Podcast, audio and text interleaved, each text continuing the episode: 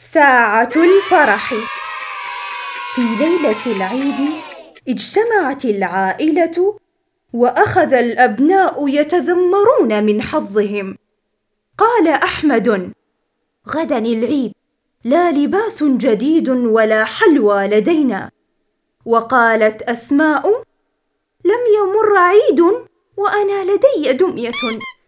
وتساقطت دموعهم. حزنت الأم ما الحل؟ رفعت يدها إلى السماء. تدعو الله وتبكي. وبعد ساعات طرق باب المنزل. ارتابوا. ومن يطرق عليهم؟ لا بد أنه صاحب المنزل. يطلب المال. وإذا به صاحب المنزل.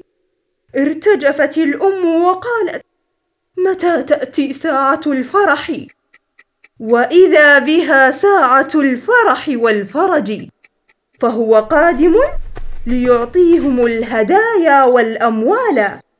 أحمد لديه ملابس جديدة ومجموعة زاكية من الحلوى وأسماء لديها خمسة عرائس.